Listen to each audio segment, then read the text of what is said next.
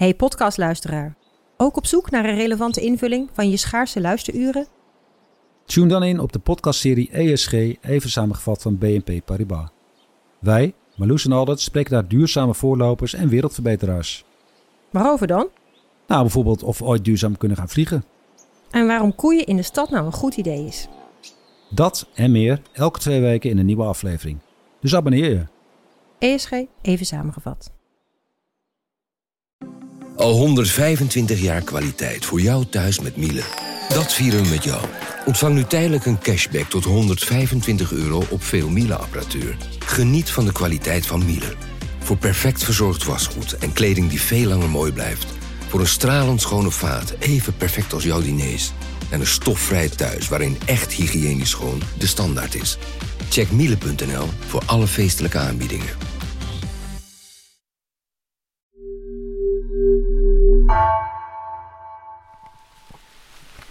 Ik ben aangekomen in echt het buitengebied van München. Ik heb mijn auto net geparkeerd bij een, eh, ja, het lijkt een soort oude stal. Ik loop nu eh, door een weiland met uitzicht op nog veel meer weilanden en bos. Op zoek eh, naar het lab. Ik ga nu door een groot groen hek. Nog geen dieren of mensen te bekennen.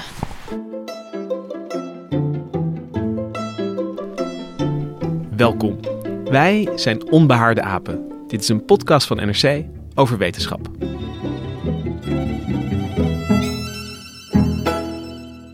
Een mens met een hart van een baviaan, of met een nier van een varken, of een lever van een koe. Klinkt als science fiction, maar in een lab vlakbij München wordt er echt onderzoek naar gedaan. Xenotransplantatie. Het transplanteren van organen van dier naar mens. Kan xenotransplantatie een oplossing zijn voor tekort aan menselijke donororganen? En is het eigenlijk iets dat we zouden moeten willen? Mijn naam is Lucas Brouwers en vandaag zit ik in de studio met Anne van Kessel. Zij was dus in München in dat lab en ze ging daar langs om te kijken welke experimenten er plaatsvinden op het gebied van xenotransplantatie. En Anne, jij bent in München geweest en eh, nou ja, we hoorden je daar aankomen. Wat, uh, wat verwachtte je daar te gaan zien? Ja, eigenlijk had ik al niet echt het soort omgeving verwacht waar ik in aankwam. Want het was ten noorden van München, echt een beetje buitengebied, bossen, weilanden. En uh, ja, er was een oude boerderij. En mijn navigatie gaf aan dat ik daar moest zijn. Er stond ook verder geen bordje of zo. Dus ik liep maar gewoon dat terrein op en ik zag allemaal soort van stallen. En ja, typisch boerderijterrein. En dan niet ergens een futuristisch lab. Uh, Helemaal niet, nee. Waar je met een pasje binnen moest komen en uh, waar je bij een gelikte balie jezelf aan moest melden? Nee, helemaal niet. Uiteindelijk uh, ben ik maar gewoon naar binnen gelopen en kwam ik daar in een soort van kantine de directeur tegen en ja, zijn we op pad gegaan. Maar voordat we verder gaan horen over wat je daar allemaal tegenkwam en zag, um, dat, dat hele idee van xenotransplantatie, dat is een oud idee en tegelijkertijd zijn er steeds toch wel uh, nieuwe ontwikkelingen in. Het was nog uh, niet zo lang uh, geleden dat ineens in het nieuws was dat in de Verenigde Staten een varkensnier was geïmplanteerd bij een mens.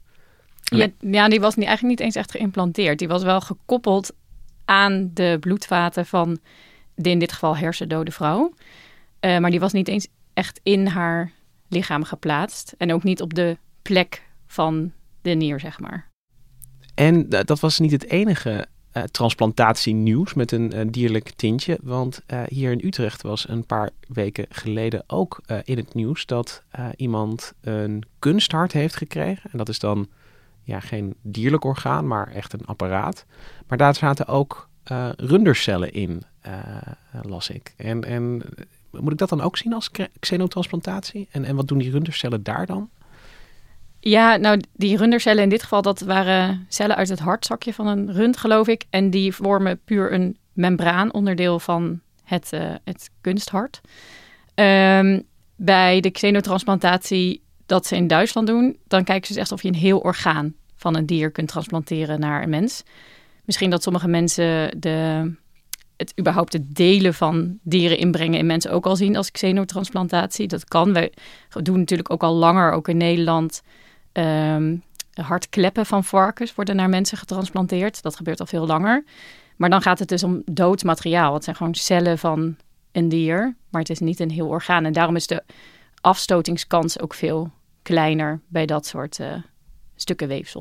En zou je dan kunnen zeggen dat, ja, xenotransplantatie heb je dan in eigenlijk in, in een hele gradiënt van allerlei vormen en maten. Um, maar de technisch ingewikkeldste, um, maar misschien ook wel het uh, mooiste doel om te bereiken, is dus om echt een orgaan over te zetten. Ja, dus een dierlijk orgaan naar een uh, mens te transplanteren. En vaak gebeurt dat dus nu. Wat ze nu gaan doen is dus met genetische manipulatie.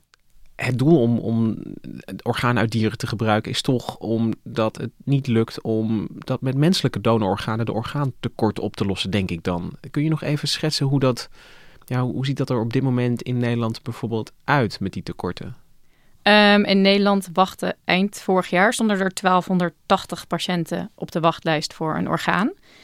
En die kunnen niet allemaal geholpen worden. Zo stierven er in 2019 118 patiënten terwijl ze op de wachtlijst stonden voor een orgaan.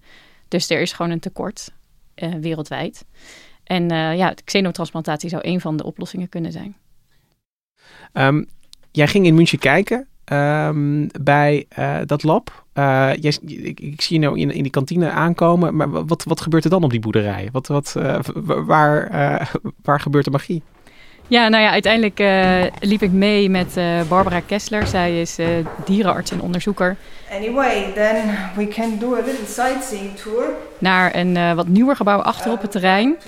Um, en dat zag er vanaf de buitenkant eigenlijk ook nog ja, gewoon heel recht toe, recht aan uit.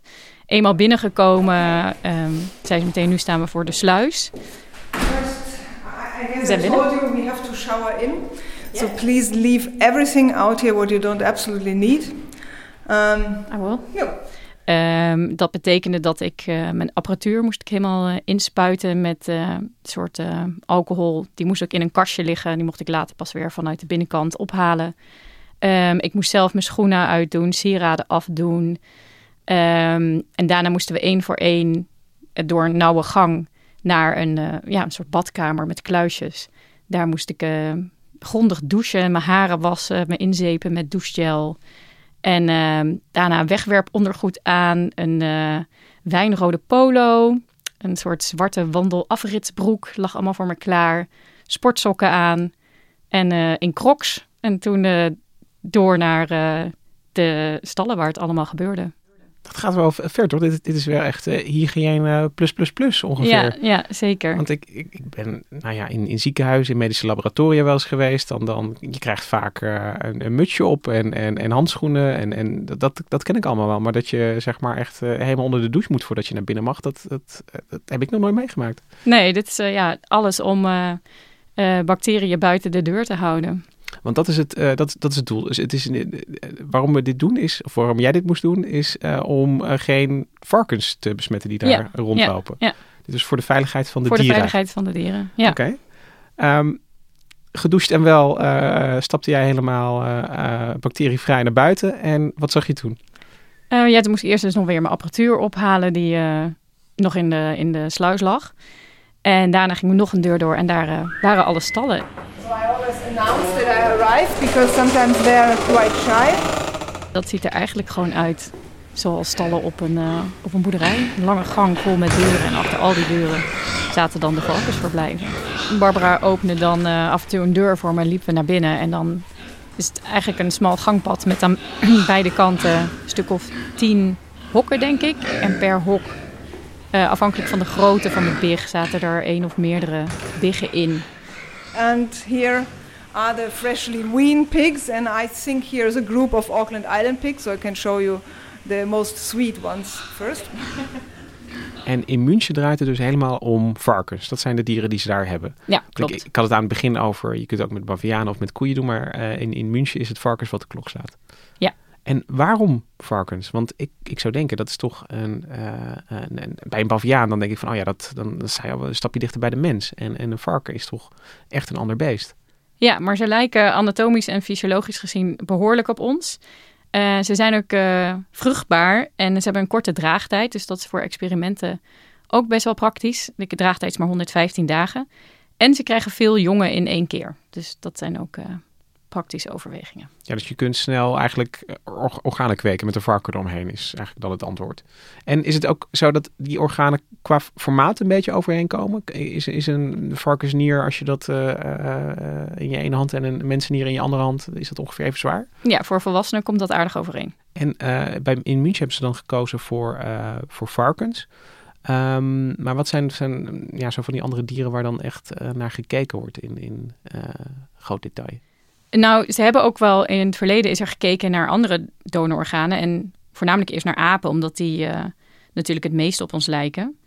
En in 1984 is er ook een opzienbarend experiment geweest waarbij een klein meisje, bekend geworden als baby eh, zij heeft toen een, eh, een bavianenhart gekregen. Dat was dus nog niet genetisch gemanipuleerd. Dus ze heeft gewoon dat hart van die baviaan is bij haar getransplanteerd. En zij stierf toen al na 20 dagen, omdat haar immuunsysteem dus dat hart heeft afgestoten. En dat kreeg behoorlijk veel aandacht, die actie. Eh, mensen vonden het ook verwerpelijk dat we dieren die zo op ons lijken gebruiken voor dit soort experimenten.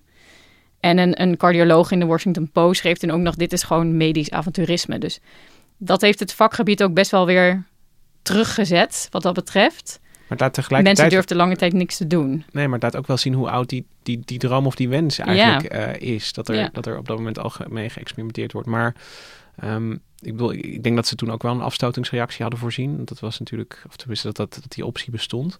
Ja, Ehm, en ja, je zegt het heeft het veld ook een beetje, een beetje, een beetje teruggezet. eh, in, in, in, in wat er misschien allemaal kon.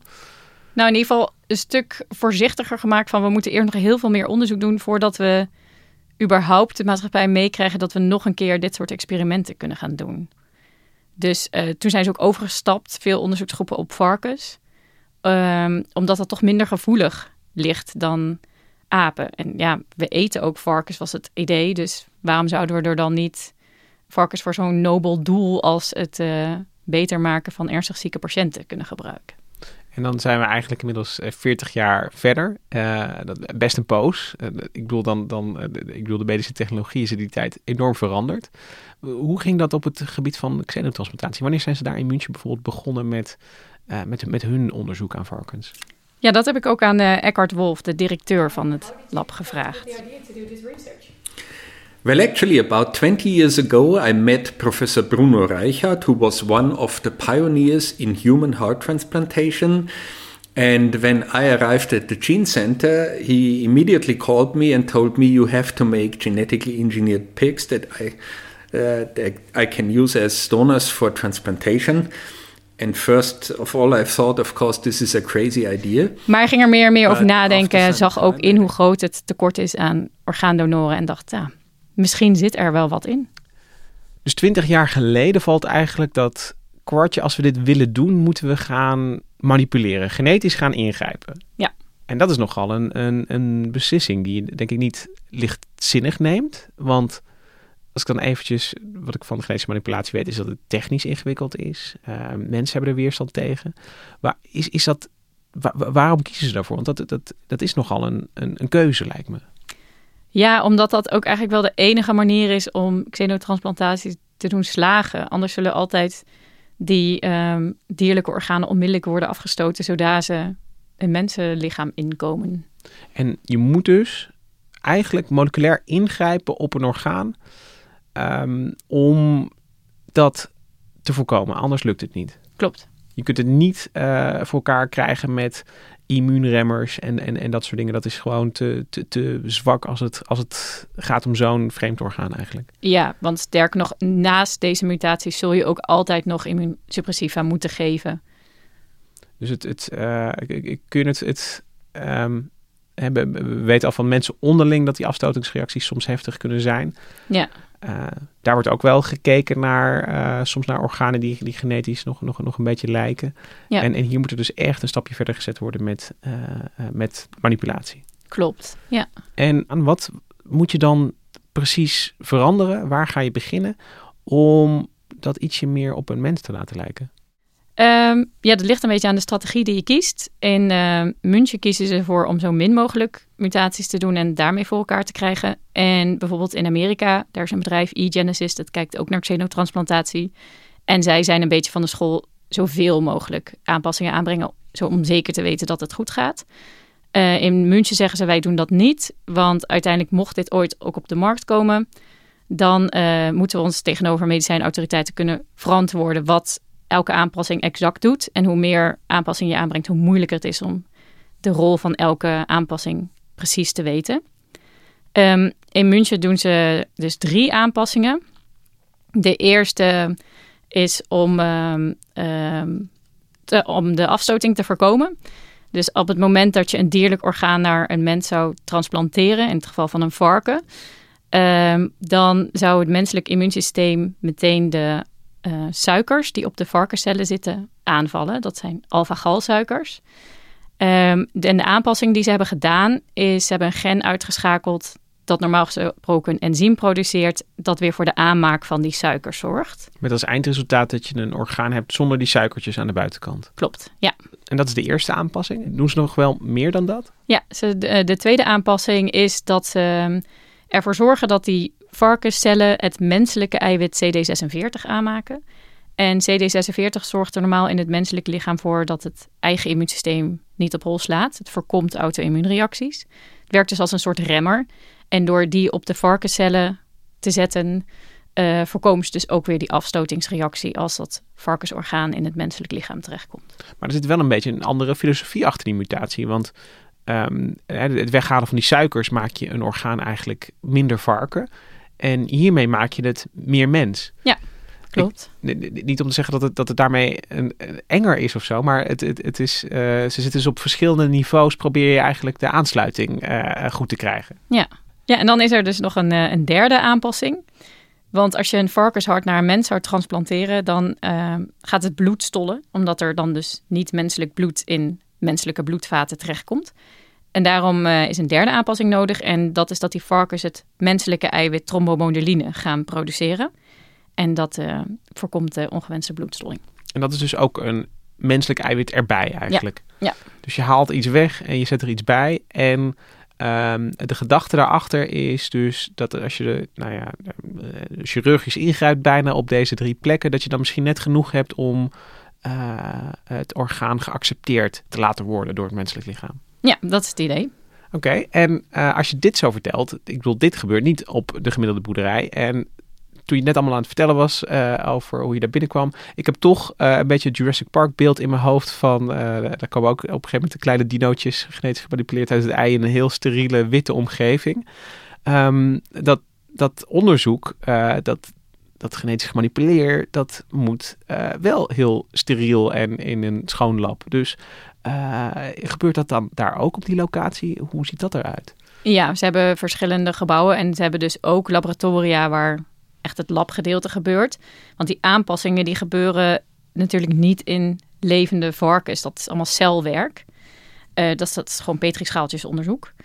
Um, en ze kijken dus ook in het lab of al die veranderingen gelukt zijn. En pas als ze zeker weten, hey, al deze veranderingen zijn goed, het zit allemaal goed in elkaar, dan halen ze de kern van de cellen waarin ze deze aanpassingen dus hebben aangebracht, die halen ze eruit en die stoppen ze in een eicel waar ze de kern hebben uitgehaald.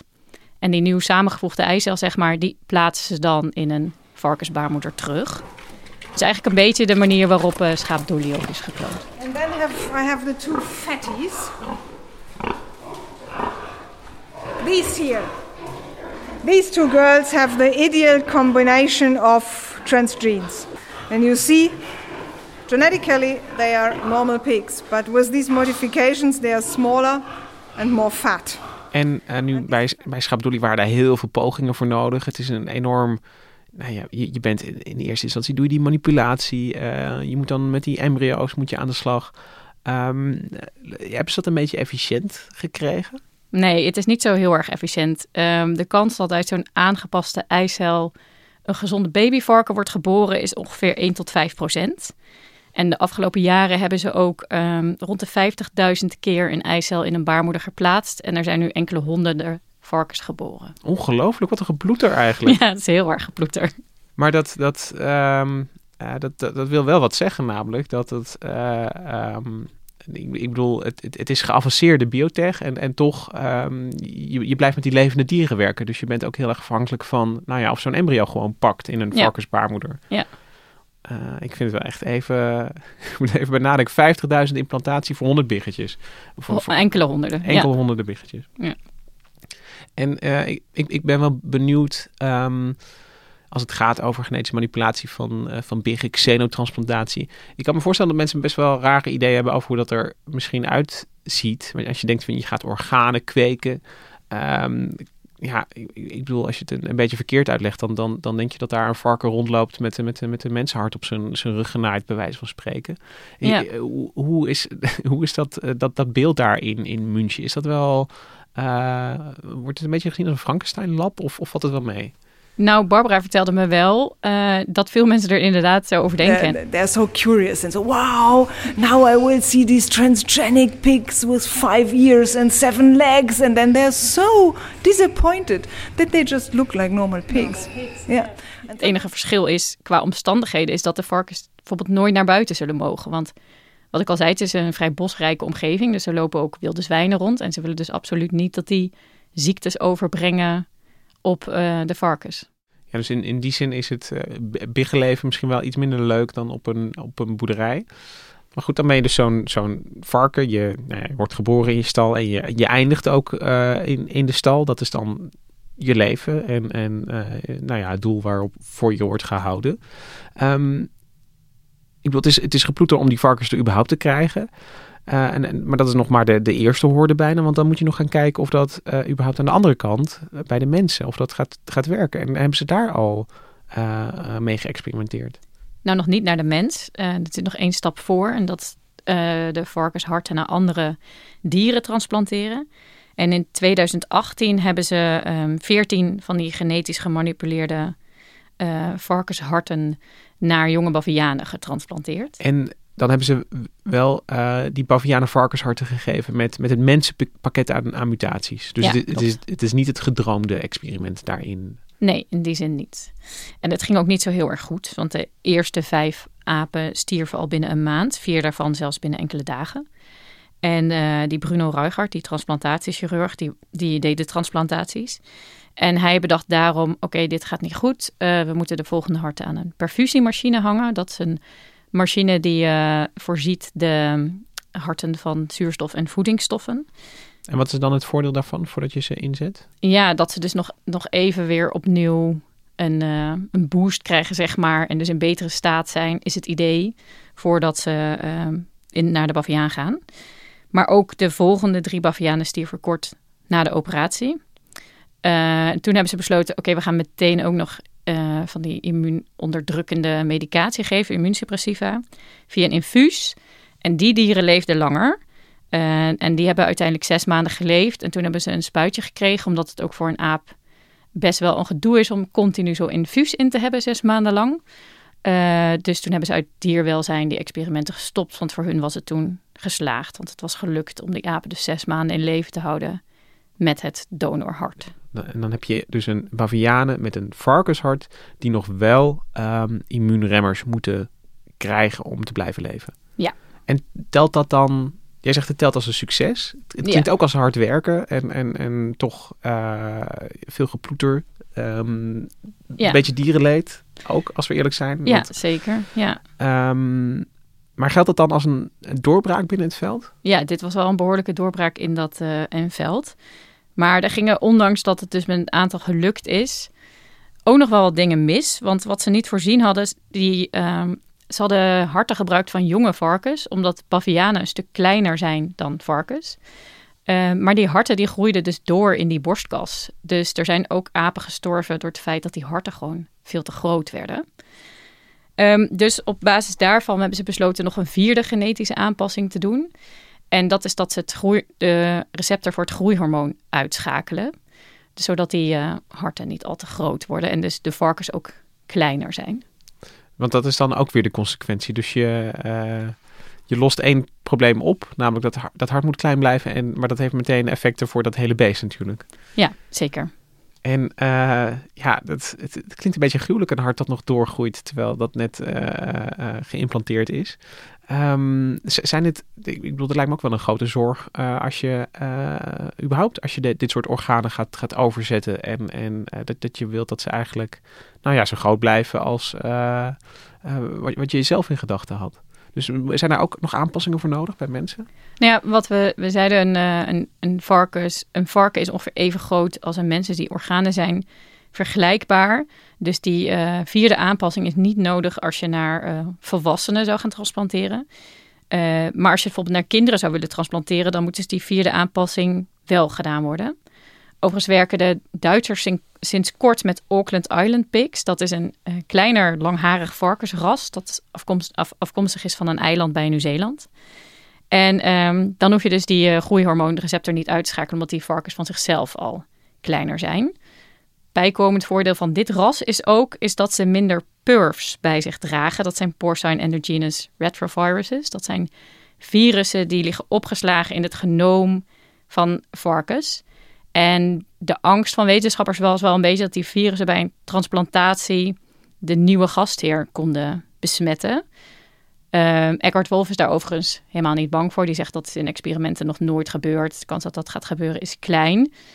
Uh, maar voor de zekerheid, deze Auckland Island pigs hebben dus veel minder van die purves. Dus daarmee bouw je nog een zekerheid in. Um, het, het, klinkt ook een beetje als je het zo beschrijft: van, van je lost het ene probleem op, eh, de harten groeien door. Uh, en dan duikt er weer een nieuw probleem op. Namelijk, misschien zitten er nog virussen in dat varkens-DNA verstopt die nog geactiveerd kunnen worden. Um, het, het, voelt wel als een pad waarbij je steeds een, een, een hoekje omgaat en dan, dan, dan weer een nieuw probleem opduikt. Is dat nou ja, heel exemplarisch voor, voor deze hele zoektocht naar, naar xenotransplantatie? Ja, dat denk ik wel. Dat denk ik ook wel de reden dat het relatief langzaam gaat. Wetenschappers zullen zeggen, nou moet je eens kijken wat we al gedaan hebben. Maar mensen buiten de wetenschap denken misschien, ja, je hebt een paar bavianen zes maanden kunnen laten leven. zover is dat nog niet. Um, over, nog even over die ziektes die uh, liggen opgeslagen in het DNA. Ja, de wetenschappers in München zijn er dus niet zo bang voor dat dat uiteindelijk tot besmettingen gaat leiden. Um, ze zijn eigenlijk banger voor besmettingen van buitenaf. En dat is dus ook de reden dat iemand die daar op bezoek komt uh, zich grondig moet uh, wassen en zo. Um, zelfs het voedsel, het speelmateriaal, alles wat daar binnenkomt wordt grondig gereinigd. Mijn opnameapparatuur wordt gereinigd. Um, en die experimenten met zo'n baviaan, dat gebeurt ook niet daar. Zo'n baviaan mag daar niet naar binnen. Dus dan gaan de varkens naar buiten. En die transplantaties vinden dus ergens anders plaats. En als ze uiteindelijk de stap naar mens willen zetten, dan zullen ze de varkens ook naar een andere locatie gaan brengen. Waarbij dus nog hogere hygiënestandaarden zijn. Um, met HEPA-filters en dat soort dingen. En nou ja, bij bavianen is het dan gelukt. En dat, dat is toch een prestatie. Je hebt een dier met een orgaan uit een ander dier dat ja, misschien nog langer had kunnen leven als dat. Uh, en, en, en dat is winst, maanden extra. Um, wanneer denken ze dan over, hoe kies je dat moment waar, wanneer je toch gaat proberen uh, bij het mens te doen? Twintig jaar geleden heeft de Internationale Vereniging voor Hart- en Longtransplantatie gezegd dat als in tien experimenten bij bavianen, zes van die bavianen meer dan drie maanden zouden overleven, uh, ze klaar zouden zijn voor de stap naar de mens. En inmiddels zijn ze dus bijna op dat punt, maar er zijn nog wel wat experimenten nodig. Ja, dus eigenlijk zeggen ze, je moet 60% van dit soort transplantaties bij bavianen moeten lukken. Ja. En, en dat moet je dan een paar keer achter elkaar kunnen laten zien. Dat dat zeg maar het niveau is dat je kan halen. Ja, en daar zijn ze dus nog niet. Want de vorige keer hadden ze 14 bavianen. En daarbij hebben er twee die zes maanden gehaald. Uh, ze verwachten dat nu in volgende experimenten dat het wel gaat lukken. Maar dat moeten ze dus nog wel aantonen. Dus ze hebben voor volgend jaar, 2022 hebben ze dus nog een aantal van die bavianen-experimenten in de planning staan. Uh, met kleinere harten van kleinere varkens. En ze, ja, ze willen ook gewoon zelf heel zeker zijn dat ze er klaar voor zijn. Ze gaan echt niet zomaar die stap naar mensen zetten. Um, ten eerste vanwege de veiligheid natuurlijk voor de patiënten. Maar ook als ze een, een fout maken, kan dat het hele onderzoeksveld ook weer voor tien jaar platleggen, zei uh, Eckhart Wolf ook tegen And, mij. Uh, the, the most important thing is that the procedure is absolutely safe. that uh, we, we avoid any potential risk that can lead to failure of the transplant. Because if uh, such a failure happened due to a cause that could have been uh, avoided, uh, this will delay the whole field for another decade or so. Nou, en ik vind het wel slim dat ze van tevoren een, een, een soort um, ja, richtlijn hebben gegeven. Want het, het is natuurlijk een, een, moeilijke afweging. Mensen staan op een wachtlijst en, en hebben daardoor sowieso misschien minder lang te leven. Dus het, dat, dat, dat, is natuurlijk, daar kun je aan, aan rekenen. Maar dat er in ieder geval ook een, een doel is gesteld van, van buiten. Uh, ja, ik weet niet, dat, dat, dat, geeft dan toch een beetje uh, uh, vertrouwen, zo, zo gek als het klinkt. Dat er in ieder geval ergens naar gestreefd wordt, naar een bepaald succespercentage voordat je ja. die stap gaat zetten. Ja. Is er een tijdspad te geven, Anne, over wanneer ze de eerste experimenten met mensen verwachten? Um, de wetenschappers in München hopen dat binnen drie jaar te gaan doen. Dus ze verwachten dat ze die, dat ze goed genoeg in, in Bavianen, dat ze dat kunnen laten zien, dat ze op een gegeven moment echt uh, die transplantatie bij een mens kunnen uitvoeren. Ja, en ze denken dan dat de eerste patiënten die daarvoor in aanmerking zullen komen relatief oude patiënten zullen zijn, omdat zij ook een kleinere kans hebben om via de wachtlijst een orgaan te krijgen. Dus dan, um, ja, zoals dat vaak gaat met, met uh, nieuwe medische technieken, uh, ik, dat klinkt herkenbaar van, van nieuwe kankerbehandelingen, bijvoorbeeld dat het eigenlijk gek genoeg eerst bij de mensen met minder perspectief wordt gebruikt dan bij mensen met meer perspectief. Ja, en dit zal dan natuurlijk allemaal in studieverband zijn. Dus die mensen zullen grondig in de gaten worden gehouden, zullen heel veel onderzoeken hebben. En pas als die experimenten sla, uh, slagen, dan zal het iets groter worden. En dus voordat het echt voor iedereen beschikbaar is, dan praat je echt nog wel over jaren verder. Ja, de zorgverzekering hoeft hier nog niet meteen een plan voor te maken. Nee, dat lijkt me niet. Ladies, you won't let me out here.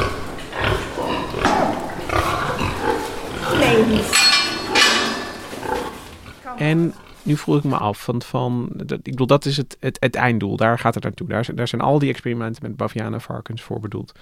Um, maar is het überhaupt iets um, wat mag, wat kan en waar transplantatieartsen op zitten te wachten? Ja, ik kan niet namens alle transplantatieartsen spreken. De een zal hier misschien meer in deze richting denken dan de ander. Er zijn ook andere oplossingen, bijvoorbeeld om het orgaantekort op te lossen. In Nederland mag dit onderzoek vooralsnog niet eens. Um, twintig jaar geleden is er een verbod gekomen op onderzoek naar xenotransplantatie. En um, we hebben een behoorlijk verouderde embryowet, zoals dat dan heet. Um, er zijn plannen om die aan te passen, maar nog is dat niet gebeurd. Dus wij mogen ook dit onderzoek niet eens doen.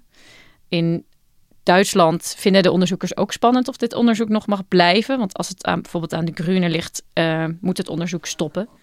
Want in Nederland ligt de weerstand komt dan meer vanuit de kleine christelijke partijen. En in, in Duitsland zien ze dan, dan ook dat uh, zeg maar de groenen zich uh, ongemakkelijke gevoelens bij, bij hebben. Ja, maar ja, dat is bij ons ook natuurlijk. Hè. GroenLinks heeft ook en heeft ook problemen met proefdieren. Dus, en, en wat zijn dan de argumenten die genoemd worden vanuit nou ja, ethische of maatschappelijke hoek? nou, mensen vinden het ten eerste vaak een eng idee dat we dit aan het doen zijn. Het is toch een beetje een Frankenstein gevoel wat mensen erbij hebben. Uh, er zijn ook mensen die zeggen we moeten mens en dier gescheiden houden. Dat moet je niet gaan mengen. Uh, er zijn mensen die vinden het zielig voor de dieren. Um, er zijn ook wel vragen van ja, hoe lang gaat zo'n hart dan mee? Is het niet dat het uiteindelijk dan toch weer afgestoten wordt? Um, aan de andere kant heb je de onderzoekers ook en voorstanders die zeggen ja, we eten nu ook al varkens is het dan niet nobeler om varkens te gaan gebruiken om patiëntenlevens te redden? Uh, over dat mengen, ja, mensen zijn ook dieren. Dus dan is er niet echt sprake van uh, mengen van mens en dier, want je vermengt dan dier en dier. Um, en de harten gaan waarschijnlijk langer mee dan de meeste donororganen die we nu transplanteren, omdat de kwaliteit veel beter is. En dat is ook omdat je controle hebt over de omstandigheden. Dat, dat met een, een, een donorhart moet je maar afvragen van hoe dat uit een, een heel nou ja, traject komt uh, van, uh, van wat eraan vooraf gaat. Um, ja, en, ja, een donorhart is natuurlijk vaak afkomstig van een uh, wat ouder persoon. Dus dat orgaan heeft al een heel leven meegemaakt. En dit zijn organen van kerngezonde varkens. Dus die organen zijn in betere staat, zei Eckhart Wolff ook. Well, pigs can have a life expectancy of 20 years or even longer. So, in many cases, this is not uh, the limiting factor, considering that at least in Germany, uh, 50% of the organ donors are older than 50. Yeah. yeah.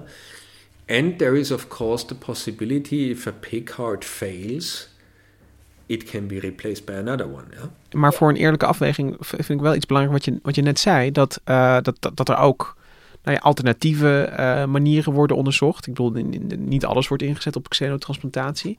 Dus, dus kun je iets, iets vertellen over in welke richting er nog meer wordt gekeken als het gaat om uh, het oplossen van het orgaantekort op een, op een technologische manier, zeg maar. Ja. Als je nog technologischer kijkt dan xenotransplantatie, dan heb je het over chimeren. En daarbij kweek, nou ja, eigenlijk niet echt kweek zeggen, maar dan laat je een menselijk orgaan opgroeien in een dier. Dus wat ze doen is ze hebben een dierlijk embryo en daarin schakelen ze bijvoorbeeld de genen uit die voor de ontwikkeling van een, nou ja, zeg een nier zorgen. En uh, ze plaatsen vervolgens menselijke stamcellen in dat dierlijke embryo. En die uh, menselijke stamcellen zullen dan de plek innemen van de nier. Dus dan ontstaat er een menselijke nier in een, nou ja, bijvoorbeeld een varken. En dat is nog, uh, je zegt dat is nog een stapje verder, omdat um, je daarbij niet een varkensnier met vier aanpassingen doet, maar eigenlijk een hele mensencel, uh, bijna als een soort geënt stukje plant op een andere plant, zeg maar, daarin laat groeien. Ja, dat is echt nog wel veel moeilijker. Daarin wordt er ook wel de eerste stappen gezet, maar dat is nog wel echt toekomstmuziek. Maar als het zou lukken, heeft daarbij dus het grote voordeel dat je een orgaan transplanteert met exact hetzelfde DNA als uh, de ontvanger heeft. Dus het hele afstotingsprobleem zou je dan dus niet hebben. Oh, maar dat is ook. Ik bedoel, ik zie de science fiction al voor, film al voor me, maar dan krijg je dus echt. Dan, dan zou je het zo kunnen doen dat je um, een, een varkentje krijgt waarin echt jouw nier. Ja, ja, dat groeit. is echt je eigen nier met jouw DNA zit dan in dat varken ik zie ook een heel emotioneel einde voor zo'n film. Dat je dan nog, één keer met dat varken mag knuffelen. Maar goed. En, en uh, dat, is dan, uh, uh, dat is dan de chimerenier. Maar welke, ehm, wat, wat wordt nog meer bekeken? Nou ja, een veel simpeler oplossing is het opknappen van donororganen. Want we gooi, gooien nu relatief veel organen weg. En 50 jaar geleden kwamen de meeste donororganen van jonge mannen die omkwamen bij verkeersongevallen. Uh, maar tegenwoordig zijn veel potentiële orgaandonoren ouder. En daardoor wordt ongeveer een derde van de organen op dit moment afgekeurd. En uh, dat gebeurt op, ja, op eigenlijk op basis van de buitenkant van het orgaan. Een transplantatiechirurg maakt die afweging. Is dit orgaan transplantabel? Ze kijken natuurlijk ook naar de ziektegeschiedenis van iemand. Um, maar onderzoekers in het UMC Groningen die kijken bijvoorbeeld... kunnen we die afweging objectiever maken? Uh, kunnen we bijvoorbeeld een orgaan eerst aan een perfusiemachine hangen om te kijken hoe het presteert? Want een orgaan van iemand van 70 die zijn hele leven heel gezond heeft geleefd, kan in veel betere staat zijn dan een orgaan van iemand van 50 die een heel andere levensstijl heeft gehad. Maar puur op basis van de buitenkant en het feit dat het, het orgaan is van iemand van 70, zou je misschien eerder die van, van iemand van 70 afkeuren. Um, daarnaast kijken ze met experimenten of het zin heeft om organen op te knappen door ze bijvoorbeeld een dag aan koude perfusie te hangen. Dus aan zo'n perfusiemachine die het orgaan doorspoelt met zuurstof en voedingsstoffen en die het gekoeld houdt. Of dat het juist slim is om het daarna aan een warme perfusiepomp te hangen, die het dus die het langzaam opwarmt naar de temperatuur van het menselijk lichaam. Nou ja, met al dat soort experimenten hopen ze in Groningen dus ook gewoon veel meer organen geschikt te maken voor transplantatie. Want het is best wel zonde natuurlijk dat we twee derde van de organen niet eens, of een derde van organen niet eens gebruiken. Ja, en het voordeel hiervan is dat, je, dat, dat er al een, ja, ik noem het maar een infrastructuur is, uh, uh, waarbij je gaat kijken of je daar gewoon de, de, kwaliteit aan, aan de, de voorkant, zeg maar, kan verbeteren. Of, ja. of een betere selectie kan maken. Ja. En dan uh, moet ik ook denken nog aan, aan het kunsthart, dat dus een, een paar weken geleden is, in ieder geval voor het eerst in Nederland is geïmplanteerd. Um, is dat nog, uh, ja, ik, ik bedoel, als je, als je dan in München werkt, dan zou ik dan de, de, toch dat, dat een beetje als concurrentie zien. Want dat, dan heb je ineens een, een apparaat, um, wat misschien, ja, dat is makkelijker te fabriceren dan, dan uh, een, een vermenselijkt varkenshart, lijkt me. Ja, dat is wel waar. Maar ja, er zitten natuurlijk ook weer nadelen aan. En zo'n hart moet ook, mensen krijgen dan ook een kastje met een batterij erin. Dat moet ook allemaal getransplanteerd worden. En in die zin is het natuurlijk natuurlijker om een... Um, om dierlijk weefsel in je, in je lichaam te hebben, aangezien je zelf ook een dier bent. Vertelde chirurg Bruno Ruighart me ook. Uh, that's my biggest battle. Um, to convince the people that it is possible. We do that since uh, the whole business is since 1998. We started doing that, and we were real, or we are really successful since 2015. So it's almost six years, uh, and so we transplant and transplant, and all hearts are beating. En uh, dus, dus dit gebeurt allemaal. En het, is, het lijkt me heel moeilijk om te zeggen van, van uh, dit, is beloftevol. En ik ga toch aan je vragen van, van wat, wat als je, ik bedoel, je hebt je er behoorlijk in verdiept. Wat, wat, uh, wat, wat is jouw gevoel en, en oordeel erbij? Van, van, is, is, er, is er tussen al die um, mogelijkheden, opties, technieken, is daar ruimte voor xenotransplantatie? Ja, ik weet het niet. Ik heb die vraag de afgelopen weken ook wel aan diverse wetenschappers gesteld. En de een zegt ja, dit gaan we doen. En de ander zegt nee, dit is zo ver weg. We zullen eerder bijvoorbeeld dat opknappen van organen zo goed onder de knie krijgen dat daar de oplossing ligt. Er zeggen ook artsen zeggen van ja, we zijn er allemaal wel over dit soort oplossingen aan het nadenken. Maar als iedereen nou gewoon donor zou worden, als iedereen ja zou invullen en niet ook bijvoorbeeld aan zijn familie zou overlaten, want die besluiten vaak toch om het dan niet te doen dan hebben we al een veel minder groot probleem. Dus waarom richten we ons daar niet op? Dus ik weet het niet zo goed. Ik denk wel dat er ooit xenotransplantaties gaan plaatsvinden. Maar of het dé oplossing is, dat weet ik niet. En als ik er, als ik er zelf over nadenk, dan, dan uh, vind ik het... Dat laatste wat je zegt vind ik wel heel interessant. Want het is... Um, ik denk als je in München werkt, uh, is het een biotechnologisch probleem, zeg maar, dan, dan, dan kijk je daarna als een, ja, toch als een soort bio-ingenieur. Van hoe kunnen we dat nou allemaal aanpassen? Maar dat laatste wat je zegt is, is natuurlijk ook waar. Weet je wel, het, het, uh, hier komt de maatschappij komt, zeg maar, al, ook al meteen uh, om de hoek zetten. Um, en de keuzes die we daarin maken, die, die zijn ja, even belangrijk bijna of, als wat daar in het lab gebeurt en of dat goed gaat. Ja, zeker. Ja. Zou je zelf een, uh, een varkensorgaan willen? ik, ik zou het, denk ik, uh, als, als uh, het alternatief is geen hart, um, dan, dan heb ik geen moreel bezwaar tegen een, een, een, een varkenshart. Het is wel, ik die optie van het chimerenhart, die, uh, uh, die film die ik even voor me zag, die, uh, die, die spreekt me dan wel, wel meer aan. Ook omdat um, ik gewoon denk van, van een varkenshart met vier aanpassingen, dat is toch nog een behoorlijk varkenshart, lijkt me. alles, alles overziend. Terwijl zo'n zo'n chimeerhart, dat, dat beeld van dat, dat ente, dat voelt dan, weet je, van dat lijkt me meer aansluiten dan op, op, op, op, op je eigen lichaam. Alleen dat is natuurlijk nog, nog grotere toekomstmuziek. Dus als het, uh, maar ik denk dat, en dat dat voor veel mensen geldt, dat als, als de keuze gemaakt wordt, dat mensen natuurlijk ja, vaak toch willen dat het wordt opgelost. En dan zijn al die hoge overwegingen, die, die worden dan abstract. En dan, dan wordt het heel concreet met, uh, hier is een medische technologie die uh, misschien kan genezen of helpen. En dan, dan is de keuze toch heel anders. Ja. Hoe zit dat voor jou? Ja, ik vind dat moeilijk nu te bepalen, omdat ik helemaal niet in die situatie zit natuurlijk. Ik denk dat als je ernstig ziek bent en dit de enige uitweg is, dat je wellicht, wat, je, wat jij ook zegt, heel anders over denkt dan wanneer je er nu over na zou moeten denken. Maar ik heb zelf geen principiële morele bezwaren of zo. Zelfs niet nu je al die biggetjes in de ogen hebt gekeken? Nee. Okay. Zelfs dan niet. Dankjewel, uh, Anne. Nu ben dat ik je... ook echt een monster. nee hoor, dat valt wel mee. Maar dankjewel dat je ons in ieder geval uh, meenam uh, naar München en mee liet kijken in wat daar gebeurt en wat er misschien over een aantal jaar mogelijk wordt. Um, dankjewel uh, Rosa van Toledo en Julia Vier voor de productie van deze aflevering. En de muziek die je hoort, die is gespeeld door het Dudok Quartet. Dankjewel Anne. En als mensen meer willen lezen, dan kunnen ze terecht bij Kennislink. Want daarvoor heb jij uh, meegewerkt aan een groot dossier over uh, transplantatie, xenotransplantatie, chimere organen. Ja, alles over uh, de toekomst van transplanteren eigenlijk. Op nemokennislink.nl. Wij zijn er volgende week weer met een nieuwe aflevering. Tot dan. Nou, ik ben gedoucht. Ik heb eh, mijn haren denk ik vijf keer gewassen en eh, twee keer douchegel gebruikt. Ik heb het idee dat ik nog steeds naar varken ruik, maar misschien beeld ik me dat maar in. Ik ga nu weer de sluis door, op zoek naar eh, mijn schoenen en dan weer weg.